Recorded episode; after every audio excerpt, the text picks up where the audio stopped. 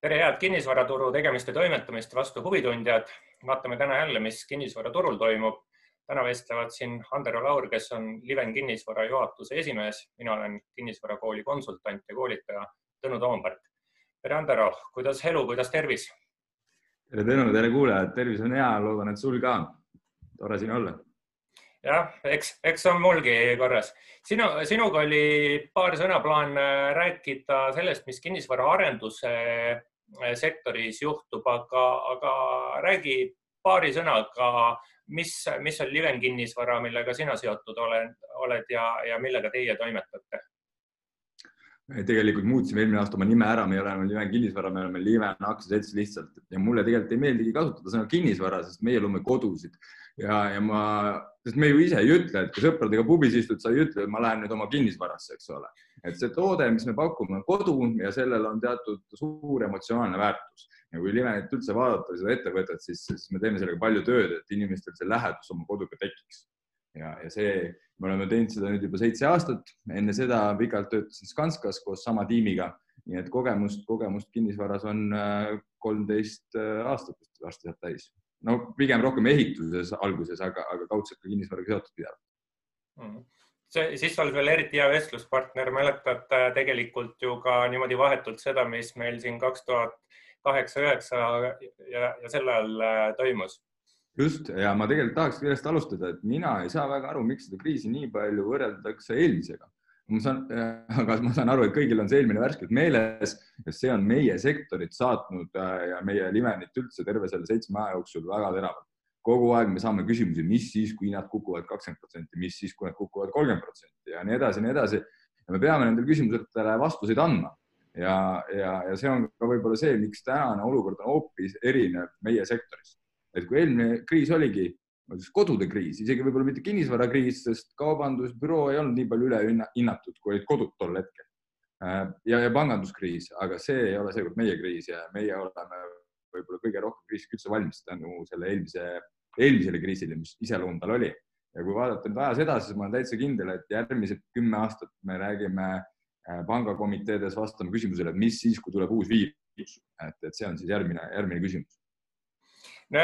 eks pankureid süüdistatakse võib-olla isegi õigustatult äh, selles, et nad räägivad alati kas eelmisest kriisist või järgmisest kriisist. Ja, ja kui me läheme ajas kaks tuhat üheksateist aastasse tagasi, siis oli see eelmine kriis ikkagi see, millest räägiti ja järgmisest äh, ma, minu, minu teada küll väga ei räägitud. Jah, just nii on. üldiselt ma arvan, et äh, ma ei, ma ei näe selles kriisis sellist nagu suurt pikaajalist ohtu meie valdkonnale et võib-olla pigem isegi vastupidi, et võib-olla see kodu muutub isegi inimestele veel tähtsamaks, et me näeme, et me peame kodus tööd täna tegema palju rohkem, võib-olla tekib vajadus selleks, et meil oleks rohkem tubasid, oleks meil kodukontor või vähemalt väike selline kohtki, kus seda kodukontorit äh, pidada, on see mingi pisikene ruum kuskil. et, et võimalusi on mitmeid no kui sa juttu sinna viisid, et eh, mis need muutused võiksid siis olla, milline, milline on siis ütleme, võib-olla mitte veel täna või homme, aga näiteks kaks tuhat kakskümmend üks aastal projekteerimisse eh, mineva kortermaja lähteülesandest teisiti, et mis mis te, mis te tahate, et seal majas teistmoodi oleks, et sa tõid niisugused töönurgakesed välja, et äh, mis siis veel peaks olema, väike kiirituskamber, mis viirused tapab, tapab, kui ma majja sisenen äh, pakiautomaat ukse kõrval väljas, kuhu kõik ligi saavad, äh, tulevad mingid nutikused juurde, et mis, mis seal on teistmoodi, mis te nende majade juures, mis te järgmine, ülejärgmine aasta projekteerimisse panete? Ma arvan, et sa peaaegu kõik ütlesid ära, aga, aga ühe ütlesid liiga palju, et kiiritus seda kambrit me ei hakka tegema aga, aga muus osas me oleme Cleveroniga aktiivselt kogu aeg suhtleme, saada aru või anda ka nendele niisugust tagasisidet, ideid, millist äh, toodet meie tahaks kortermajas näha. seal, seal on nagu palju probleeme, et ma saan aru, et kõik pakikandjad äh, ei taha sinna neid asju vedada millegipärast, et nendel on mingi oma süsteemid ja nii edasi aga ma arvan, et ka see muutub. Äh, kindlasti võiks olla mugavam, kuidas toitu koju tuuakse, kuhu see jäetakse. et täna me peame täpse kellaaja selle Selveriga kokku leppima ja, ja vahest on nii, et nendel on see vaba aeg kuskil, aga, aga mulle see aeg ei sobi, onju. et miks mitte siis niisugust äh, ühiseid suuri postkaste teha, kus siis vastavalt sellele, kes on tellinud, saab seda kasutada ja sinna jätta mingid, mingid külmkapid kindlasti kindlasti me tegelikult mitte ei oota kahte tuhande kahtekümmend ühte, vaid alustasime enam-vähem järgmine nädal oma majade ümberkrüpteerimist sisuliselt, et neid samu kodukontoreid sinna lisada, vaadata, kus me saame neid paigutada, võib-olla mõnest neljatoalisest teha siis kolmetoaline, mõni kaks kahetoalist kokku teha ja teha siis selline viietoaline näiteks, eks ole, kus see kodukontor on ka olemas, et ei, me ei jäänud ootama ja noh, võib-olla tullagi korra siis samm tagasi, et, et mis meil siis, mis siis ühel arendajal meie näitest nagu juhtuma hakkas, kui see kriis pihta hakkas. et äh, see oli vist reedene päev, kui me kontoris sellist viimast koosolekut pidasime ja, ja arutasime, et millal me siis nagu tööle tagasi tuleme ja, ja, ja kuidas me siis toimetame ja, aga pühapäevaks oli siis selge, et, et, et ehk, ehk ei tule vist niipea ja, ja ei tulnudki ja edasine läks meil siis suhtlus ainult äh, kodus arvuti teel nagu kõigil ja üllatavalt hästi tuli välja. ma mõtlesin, et kui vaadata sellist äh, üldist seisu, mis meil Livenis oli, siis meie hakkame alati müüma varakult paberit ja me ei hakka enne ehitama, kui meil on viiskümmend protsenti müüdud, pool on müüdud. See on natuke seotud selle kogu selle loogikaga, mis ma alguses rääkisin, et see kodude ja kodude tekkimine emotsionaalne väärtus, et me kaasame inimest hästi varakus staadiumis, et ta saab sinna ise ka panustada oma ideid, oma mõtteid, teha oma muudatusi ja, ja sealt tekib see suur emotsionaalne väärtus ka, mida me saame pakkuda. aga, aga, aga teine pool sellel asjal on see, et meil on riskid väga hästi maandatud. et kui meil täna on kokku ehituses umbes kaheteist poole miljoni eest kortereid, siis müümata on üksnes äh, kümme protsenti sellest, mis on ehituses, et see annab üpris nagu kindla tunde selles kriisis äh, purjetada ja, ja hakkama saada. ja, ja kui me vaatame, mis müükidega juhtus, siis äh, selle kahe kuu jooksul me müüsime, tegime kokku neli uut võlaõiguslikku lepingut. et kui, kui võtta siis eelmised kuud enne kriisi algust, siis oli keskmine oli üheksa umbes et aga, aga ma ütleks, et need neli on kindlasti neli tükki rohkem, kui ma arvasin, et me üldse teeme. Et, mhm. et ma arvan, et see on täiesti mõistlik ja loomulik, et, et selline suur ost nagu koduost, suure laenu võtmine, suure kohustuse võtmine tulevikus, et seda ei tee sellisel hetkel, eriti sellisel, kuidas võib-olla meil ka valitsusest ja, ja meie ekspertidelt saime ikkagi vahepeal väga-väga koledaid signaale, väga segaseid signaale, et, et see kriis võib väga-väga hulluks minna ja, ja ma, ma tõesti ei leia ühtegi põhjust, miks sellisel hetkel peaks minema keegi ja võtma endale suuri, suuri kohustusi tulevikku äh, läbi, läbi selliste müügilepingute, müügiostulepingute tegemise. Mm.. aga, aga alustasime uue projektiga vahepeal. Ja alustame veel kohe uue projektiga, et äh, me, me, me ei lükanud neid alguseid edasi ja mingis mõttes ma isegi tunnen äh, enesekindlust tänu sellele, et kui me täna suudame nende projektidega alustada, kui me suudame neid müüa ja, ja kui meil on täna ostjad olemas, siis, siis, siis saab ainult paremaks minna. Et, et võib-olla kui ma oleksin selle müügiga alustanud paar kuud enne, siis mul oleks palju suurem nagu selline nagu kahtlustunne, et kas, kas, kas see jätkub ka või mitte. nii et ma arvan, et, et, et kriisi südames alustada on seetõttu täitsa, täitsa nagu hea mõte mm et, et kui ma nüüd niimoodi mõtlen, et kui teil kümme protsenti on müümata äh, sellest mahust, eks mida te pakute, siis ühest küljest olete te siin hindade osas nagu suhteliselt kindlad eh, iseendas ja, ja teisalt võib-olla suudate siis eh, noh, kui niimoodi negatiivistlikult võtta, siis eh, suudate ehitushinna alla suruda, aga kui positiivselt vaadata, et siis suudate mõnele ehitajale tööd anda, kellel muidu võib-olla seda tööd ei ja. oleks. No täpsemalt öeldes, et ehituses korteritest on kümme protsenti müümata et need Aha. projektid, mis nüüd tulevad, nendest on ikkagi oluliselt rohkem müümata, et seal tuleb veel palju tööd teha, et see pool kokku saada ja, ja ehitama hakata, aga seal ehitused on plaanitud sügisesse ja sügise lõppu. emba-kumba, kumba projekti siis vaadata, aga et, et aega veel on ja, ja klientid, me ka veel täna ei, ei suru sinna notarisse, et pigem võtame broneeringuid, seletame, räägime ja laseme sellel olukorral siis mingis mõttes äh, ma ei tea, kas ta laheneb, aga ma arvan, et me harjume selles mõttes, et me, me julgeme nagu eluga edasi minna mingi hetk, et, et seda ma usun küll, et juhtub. kuidas, kuidas tänased ostjad on, kas nad, kas nad siis räägivad kriisist midagi teiega ka ja küsivad, mis teie arvate, kas, kas ostjad täna on ähm, üüriinvestorid või, või, või on nad koduostjad ikkagi? Kes need ostjad on, mis seal äh, toimub? meie ostja on üldjuhul alati koduostja, et, et ikka jälle tuleb muidugi üüriinvestoreid ka, kes leiavad selliseid sobivaid, äh, tihti väiksemaid ühikuid, mida osta ja mida hiljem välja üürida, aga üldiselt meil on koduostja ja, ja muidugi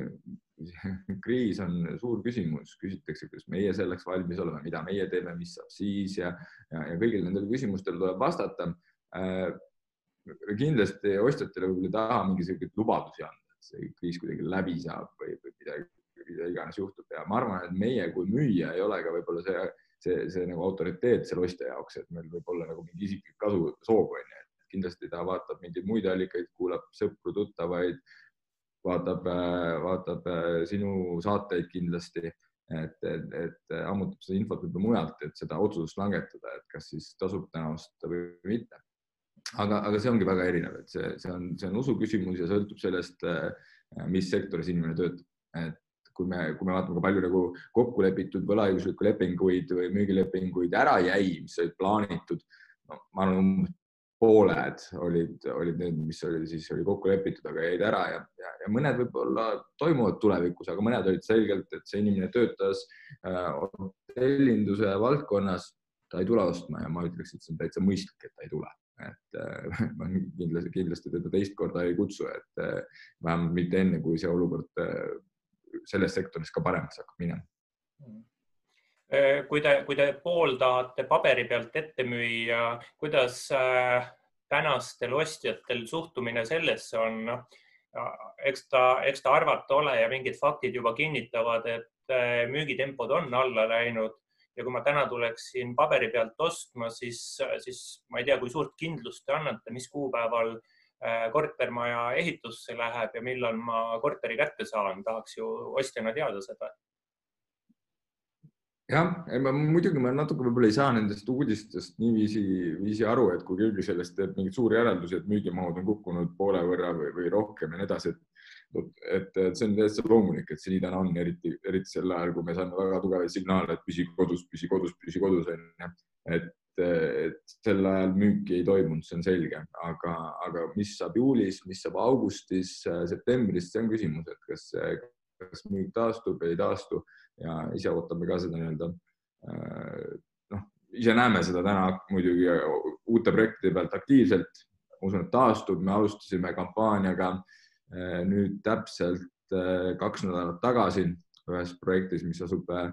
Tallinn väike rongijaama lähedal. Ja seal me saime paari nädalaga seitse tõsisemat broneeringut, kellega, kellele ütlesime küll kohe ära, et enne juunit ei ole vaja notarisse tulla, et, et saad, saate seedida ja mõelda, aga, aga need on sellised kliendid, kes, kes mõtlevad kaasa, kes uurivad muudatuste kohta, kes, kes käivad pangas ja, ja, ja ma ütleks, et see on üpris hea, üpris hea näitaja täna, tänases aga kas te siis äh, lubate ostjatele ikkagi mingi kuupäeva välja, millal äh, maja valmis saab, millal inimene oma uue kodu kätte saab? ja muidugi me lubame, aga, aga seal on ka palju agasid et mis siis, mis siis, kui ei tule piisavalt ostjaid, et mis siis, kui ostja on ainult tema ja naaber ja ülejäänud seitsekümmend kaheksa korterit on müümata. Et, et selge, et me siis ei alusta ja inimesed saavad oma raha tagasi või, või lükkame natuke edasi ja ma arvan, et see on igale ostjale lisab just kindlust, mitte vastupidi, et see asi on läbimõeldud, et, et see, et see projekt liigub kenasti siis edasi, kui kõik asjad toimivad, kui ei tule uut suurt lainet, ei tule uut majanduskriisi. et, et see on kõik lisakindlus kindlus nii meile kui ka ostjatele. et oluline on vast, eks, et siis enda poolt on kõik juriidiliselt läbimõeldud ja, ja aus suhtlemine kliendiga võiks tegelikult teine hästi oluline äh, märksõna olla. ja, eks me muidugi kohe jõuame ka sinna, et mis saavad nendest nendest projektidest, kus meil ehitus hakkab lõppema ja, ja käes on siis teha need asjaõiguslepingud ja see, mida me siis kuuleme äh, raadiost, et nüüd võivad juhtuda see, et pangad ei maksa laenu välja, kui oled töö kaotanud, kui oled palgas alla jäänud ja nii edasi. Äh, me oleme kõigi oma klientidega ühendust võtnud, suhelnud nendega ja üldiselt on seis äh, üpris hea. Tunnistame, võib-olla mõned, äh, kes on investeerimise eesmärgil ostnud, nemad otsivad võimalust võib-olla edasi müüa aga, aga ka seal ei ole nagu mingit suurt, suurt mure tänavu ei paista. enamustel on laenulepingud juba tehtud, inimesed on pankadega konsulteerinud, on saanud ka kinnitust, et, et miski ei ole muutunud ja, ja see laen, laen, laenu nad saavad ja tehingu lõpuni ka teha saavad. meie poolt paistab see pilt üpris kena ja nii palju, kui konkurentidega olen rääkinud sellest, siis on sama lugu, et, et see on mõni üksik, kellel, kellel see mure on ja, ja kui neid on vähe, siis tihti suudetakse ka mingisugune mõistlik lahendus kõigi osapoolte jaoks leida pakute te nendele, kes võlaõigusest äh, soovivad loobuda või tagasi äh, või seda edasi müüa, pakute te mingit äh, tuge seal, et levitate oma klientide seas sõnumit, et selline korter on saadaval või midagi? ja, ja just selliseid lihtsaid asju me saame teha muidugi, et aidata, aidata seda edasi müüa või, aga, aga sellist otsest vajadust täna veel ei ole olnud. aga need meetmed või need mõtted sai ka kohe kriisi alguses paika pandud, et kuidas nende puhul käituda. Eh, kui, kui rääkida pakkumise poolest veel, siis äh, selline viiekümne protsendiline eh, eelmüük, see ei ole mitte kõigi arendajate tavapärane praktika. mis sa arvad, äh, mis nendest arendajatest saab, kes panevad äh, korterid ehitusse, aga, aga on näiteks kümme protsenti eelmüüki tehtud ainult, et kas seal, kas seal võivad mingid raskused tulla ja ja kas seal võime näha siis mingeid märgatavaid allahindluseid lähema aasta jooksul näiteks? viiskümmend protsenti tuleb meil kahest põhjusest ja üks on selgelt, ongi see riski maandamise meede. Et me, me suudame selle toote nii-öelda valideerida, teha selgeks, et sellel turul on nõudlus, see hinnatase on õige, äh, asukoht äh, ja hind on omavahel kooskõlas ja nii edasi nii edasi. Ja, ja alla viiekümne protsendi me ka headel aegadel ei, ei julgenud alustada, et, et kui keegi sellega vähemaga alustab, siis, siis ma, mina ei saa sellest aru, et Skandinaavias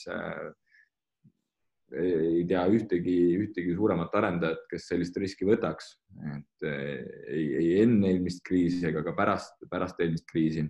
et vahest on ka lugenud, lugenud, olen lugenud uudiseid Rootsist, kus, kus mu endine tööandja alustas saja viiekümne korteri ehitusega ja selleks hetkeks oli tal sada protsenti majast müüdud. et, et see, see on niisugune riski maandamise meede ja, ja kui me räägime finantseerimisest, panga finantseeringust, siis kümne protsendiga seda ei saa. et siis on variant kasutada ühisrahastust ja noh, see on see koht, kus me nägime ju ebaõnnestunud projekte juba enne kriisi. et see, kuidas kriis veel neid äh, ülejäänud projekte mõjutab või neid samu, noh, midagi head sealt ilmselt ei tule. ja ühisrahastuses vist niisuguseid mastaapseid ebaõnnestumisi just kinnisvaraarenduses, ma ei tea, praegu mul hetkel ei tule kiiresti meelde, pigem olid seal mingid niisugused väike, väiksemad äh, projektikesed, aga, aga noh, mõni, mõni ka mitte liiga väike, aga noh, see on see, et kui sa päti kätte raha annad, mis sa siis ootad, eks. et see, okei okay,, äh, äh, kuidas, kuidas kriis siis teie ettevõtte näiteks niisuguseid riskihinnanguid on muutnud, et kas, kas mingi, mingi hetk tahate, et oleks ka sada protsenti korteritest müüdud, vaadates just praegust, praegust ajastut, et et, et riskid, mida te ka headel aegadel olete maandanud, et praeguses olukorras näiteks oleks äh, täiesti maandatud või on teil mingeid muid niisuguseid põhimõttelisi muudatusi ettevõttes, et nüüd teeme neid asju teistmoodi ja, ja muudatuse põhjus on koroona? Needsamad pisiasjad, mis me enne rääkisime, noh, võib-olla mitte pisiasjad, aga, aga tulevikku suunatud asjad, millised see, milline on niisugune hea korteri planeering, mis seal peaks olemas olema, et sinna sinna neid tulevikuvajadusi juba varakult sisse kirjutada, et need projektid, mis meil algavad kaks tuhat kakskümmend, oleks juba äh, kriisilised projektid, mitte kriisieelsed projektid. et äh, sellega me kindlasti tööd teeme, aga, aga ma arvan, et seesama olukord, mis meil täna on, et enamus, enamus ehituses olevatest korteritest on müüdud ja, ja annab meile teatud äh, kindluse toimetada uute projektidega tänu sellele see näitab, et need riski maandamismeetmed on olnud piisavad ja sobivad ja ma arvan, et kui see viiskümmend protsenti töötab kriisi ajal, siis või, või kriisi südames, siis sealt väljatulekul on, on ta ka piisavalt hea või saab ainult paremaks minna. et, et selles mõttes ei näe vajadusi veelgi karmimaid meetmeid kehtestada noh, näiteks tahate ettevõttesse mingit kompetentsi tuua, mida teil varem pole olnud või, või vastupidi, lasete kedagi lahti. mul eile üks sõber just rääkis seda, et, et keelas finantsjuhil rääkimast, kui hästi ettevõttel läheb, et oleks põhjust mõni inimene koondada. praegune kontekst soosib, soosib koondamist et mingeid siukseid äh, teemasid? ei ole õnneks, et äh, meil on selline tore pere, juba inimesi omajagu aga siiamaani, siiamaani pean ütlema, et kogu selle aastate jooksul on ainult juurde tulnud, ära, ära kedagi otseselt läinud ei ole, välja arvatud mõni praktikant, kes on liikunud oma, oma selle täpsema eriala peale tagasi. ja, ja üks, kellega, üks meie lähedane inimene, kes meil müüki tegi esimestel aastatel, tuleb kindlasti varsti tagasi, ta läks ümber maailma reisile. aga muidu oleme selline tore pere, hoiame kokku ja, ja, ja koondamisi ei plaani, aga inimesi võtsime endale just hiljuti finantsjuhi tööle näiteks, kes liitus meiega äh, nädal aega tagasi, täpsemalt öeldes tujute ikka täielikult vastuvoolu. no siis, siis kui siit edasi minna, ma eelmise aasta äh, lõpus kuulsin äh, ühes lauses mitu korda mainitavat sõnu Liven ja börs, et siis ma saan aru, et IPO on ikkagi ka septembris tulemas või sügisel või? kuidas siin praegu liiguvad asjad? Ei, see plaan pandi tegelikult aastasse kaks tuhat kakskümmend kolm. et et ta on üpris kaugel ja kuna ta on üpris kaugel, siis, siis mingeid muutusi nii kaugetes plaanides veel ei ole pidanud tegema. et IPO-t teha, selleks peab seda organisatsiooni natukene ette valmistama ja sellega me tegelemegi, kõik need raamatupidamise standardid lähevad Eesti omast, lähevad välismaa rahvusvaheliste standardite peale ja nii edasi ja, ja need ettevalmistused kestavadki oma kolm aastat ja, ja, ja see töö käib edasi ja selle, see on ka üks põhjus, miks me finantsjuhi võtsime et muidu meie, muidu meie finantsskeemid olid suhteliselt lihtsad ja, ja saime tegelikult täitsa ilma finantsjuhita hakkama, et äh, raamatupidaja oli piisavalt palju abiks nende asjadega tegeleda. aga, aga see kindlasti teeb asja natuke keerulisemaks tuleviku osas iga, igal juhul ootame, ootame huviga seda, seda aega siis, millal börs täiendust võiks saada. Aga kui nüüd jutuotsi kokku hakata tõmbama, siis äh, siis võib-olla oskad sa öelda, mis, mis on siis äh, sinul, Livenil äh, koroonakriisist mingid õppetunnid, mida, mida sa hea meelega teiste turuosalistega jagaksid, et sellistest keerukamatest aegadest oleks hõlpsam üle saada kõige tähtsam on ikka täpselt aus suhtlus, avatud suhtlus oma klientidega, oma koostööpartneritega. see kriis on minu meelest väga palju erinev eelmisest, ma tunnen siin sellist kokkuhoidmist, ühist soovi sellest üle saada.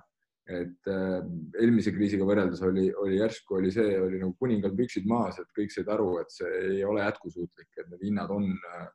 igasugustest suhtarvudest ja näitajatest niivõrd väljas ja, ja seal on ainult kaotajad ja, ja kõik tahtsid siis vähem kaotada ja teine kaotaks rohkem, siis ma siin seda ei tunne. ma tunnen, et me saame seda ühiselt, äh,